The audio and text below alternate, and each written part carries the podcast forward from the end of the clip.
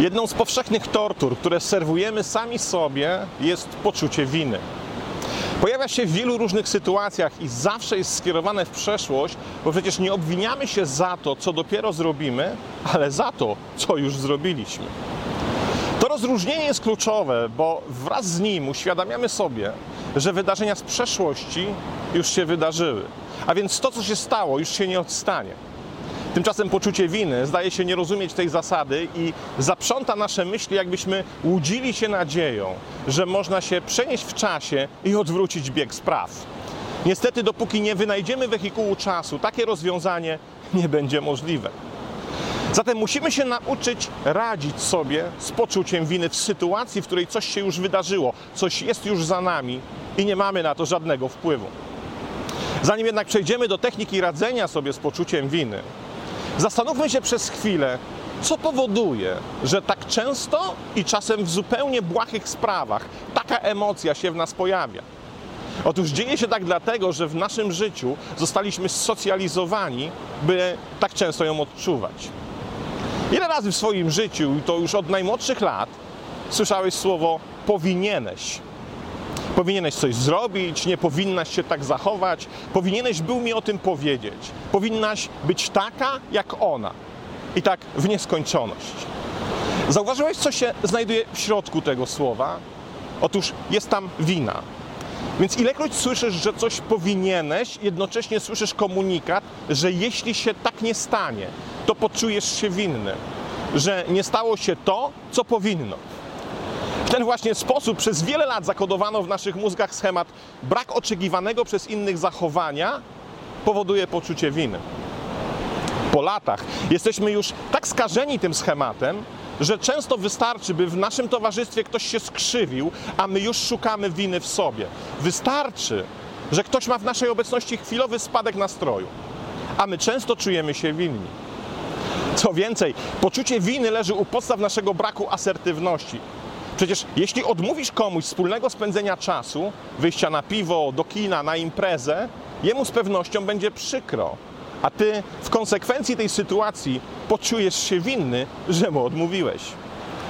Jednak poczucie winy ma daleko szersze konotacje. W końcu na nim zbudowano ten religijny przekaz, w którym ze swej natury jesteśmy grzeszni i musimy dopiero zasłużyć na to, by takimi nie być. Ale zostawmy religię. Przyjrzyjmy się systemowi prawnemu, stosunkowi państwa do obywatela, czy urzędnika do przedsiębiorcy. Czy czasem nie jest on oparty o presumpcję winy, miast niewinności? W tej drugiej jesteśmy niewinni, dopóki nam się nie udowodni winy. W pierwszej jest dokładnie odwrotnie. Z góry jesteśmy winni i na nas samych spoczywa obowiązek udowodnienia naszej niewinności. Chciałoby się rzec, że indoktrynacja winą otacza nas zewsząd i to przez całe nasze życie.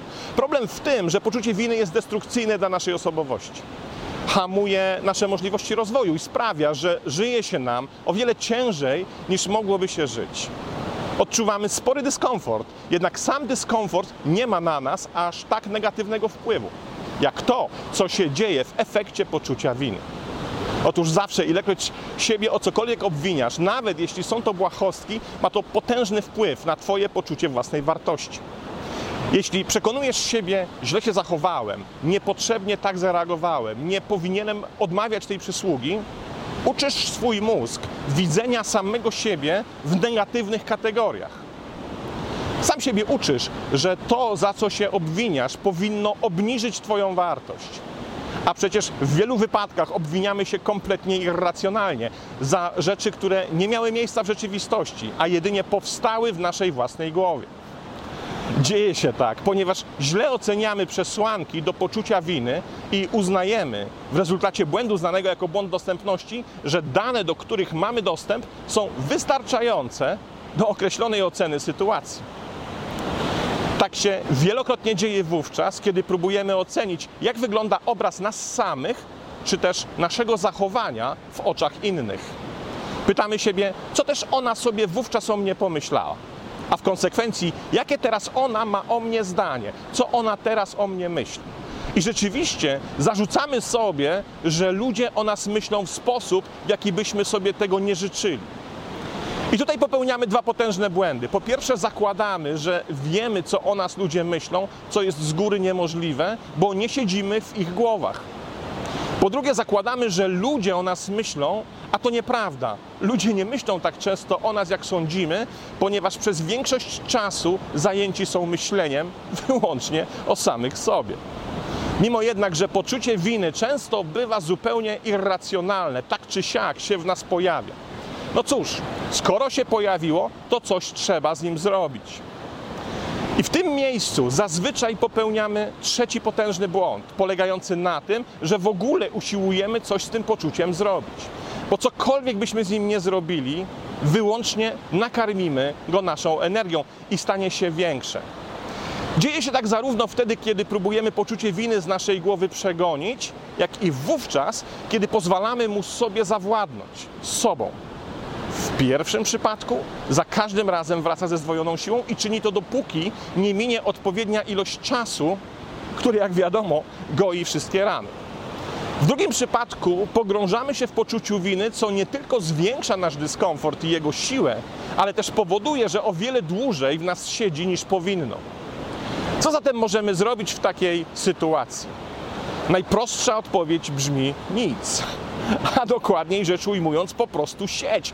Nic z tym nie rób i wyłącznie obserwuj to w sobie. Bez chęci uczynienia czegokolwiek. Po prostu obserwuj tą emocję w sposób, w którym nie ma najmniejszej chęci ingerowania w nią. Potraktuj ją jedynie jak radzą starożytni Chińczycy, którzy skonstruowali kosmologiczny model pięciu przemian jako bit informacji. Jako czystą informację, która nie jest ani negatywna, ani też pozytywna, a której zadaniem jest wyłącznie przekazanie ci jakiejś wiedzy. Siedź, obserwuj i spróbuj odpowiedzieć na pytanie, czego się właśnie uczę o sobie. Czego się w tej chwili dowiaduję? Czy ta emocja ma jakiekolwiek racjonalne podłoże, czy też powstała wyłącznie w efekcie jakichś dziwnych mechanizmów, które sam stworzyłem w swojej własnej głowie. Zamień się na chwilę w naukowca, eksperymentatora, który w białym kitlu i z lupą w ręku pochyla się nad laboratoryjnym stołem. Włącz ciekawość i pasję odkrywcy. Powiedz sobie: O, pojawiło się we mnie poczucie winy, zatem witam i zapraszam pod mikroskop. Bądź ciekawy, co je wywołało. Szukaj sytuacji, które ją powodują. Szukaj przyczyn w tym, co myślisz o świecie, o ludziach, o sobie samym. Tym, jaki sposób konstruujesz myśli i swój własny w nich obraz. Prowadź badania, obserwuj, dociekaj, a wszystko to czyń z pełną akceptacją, że taka emocja właśnie w tobie jest i bez jakiejkolwiek chęci ingerowania w samą emocję. Jest sobie i już. Wyłącznie ją obserwuj. Co daje ta technika? Otóż bardzo wiele. Pozwala nam uczyć się siebie. Daje możliwość poszerzenia świadomości. Umożliwia pojawienie się absolutnie bezcennej autoświadomości, która z kolei jest przepustką do prawdziwego wzrostu i rozwoju. Kiedy stajesz się autoświadomy, jednocześnie nabywasz zarówno wiedzę, w jaki sposób działasz, ale też umiejętności pozwalające na dokonanie stosownych korekt. Pojawiają się możliwości zarządzania sobą na dotąd niedostępnym poziomie. Zdobywasz bezcenną wiedzę na przyszłość, zarówno w kontekście tego, co robić, jak i czego nie robić. I nie dotyczy to tylko naszego zachowania w zewnętrznej rzeczywistości, relacji z innymi, czy w ogóle funkcjonowania w świecie, ale też tego, jak zachowujemy się w swoim własnym wnętrzu wokół czego koncentrujemy myśli i w jaki sposób jesteśmy w stanie zarządzać swoimi własnymi psychicznymi procesami. I ta autoświadomość właśnie daje Ci możliwość pracowania zarówno nad tym, co w sobie pozytywne, jak i tym, co negatywne. Otrzymujesz w ten sposób możliwość uporania się z sobą, odzyskania panowania nad sobą, czyli stania się panem samego siebie. Co zaś się dzieje wówczas z samym poczuciem winy? Otóż, kiedy nie jest karmiony jakąkolwiek energią z Twojej strony, e, jakąkolwiek chęcią zrobienia z nim czegokolwiek, w końcu traci siłę. Poczucie winy staje się coraz mniejsze, bo zamiast obdarzać je uwagą, wyłącznie je obserwujesz i akceptujesz fakt, że się w tobie pojawiło. Czerpiesz z niego informacje, uczysz się siebie, jednocześnie nie masz najmniejszego zamiaru, by uczynić z nim cokolwiek. W końcu mija, jak chmury na niebie. W końcu odchodzi pozbawione najmniejszej energii, bez której nie jest w stanie przetrwać. A dzieje się tak, bo zostają w nas wyłącznie te myśli i emocje, z którymi się identyfikujemy. Jeśli tego nie czynimy, odchodzą pozbawione energii. Jednak niejako przy okazji dzieje się jeszcze jedna bardzo ważna rzecz. Jeśli potraktujesz swoje poczucie winy jako wyłącznie informację, która nie ma żadnego emocjonalnego potencjału, nie jest ani negatywna, ani też pozytywna, to z każdym takim bitem informacji, który w ten sposób obracamy w naukę i wiedzę o sobie i swój własny rozwój, siłą rzeczy rośnie również nasze poczucie własnej wartości. Im więcej o sobie wiesz, im lepiej się znasz i im lepiej potrafisz zarządzać, tym silniejszy się stajesz, tym większy się stajesz i ta zmiana nie ujdzie Twojej uwadze. Ale co najbardziej fascynujące, nie ujdzie też uwadze innych. Nie wierzysz? Spróbuj tej metody, by sprawdzić, czy działa. Pozdrawiam.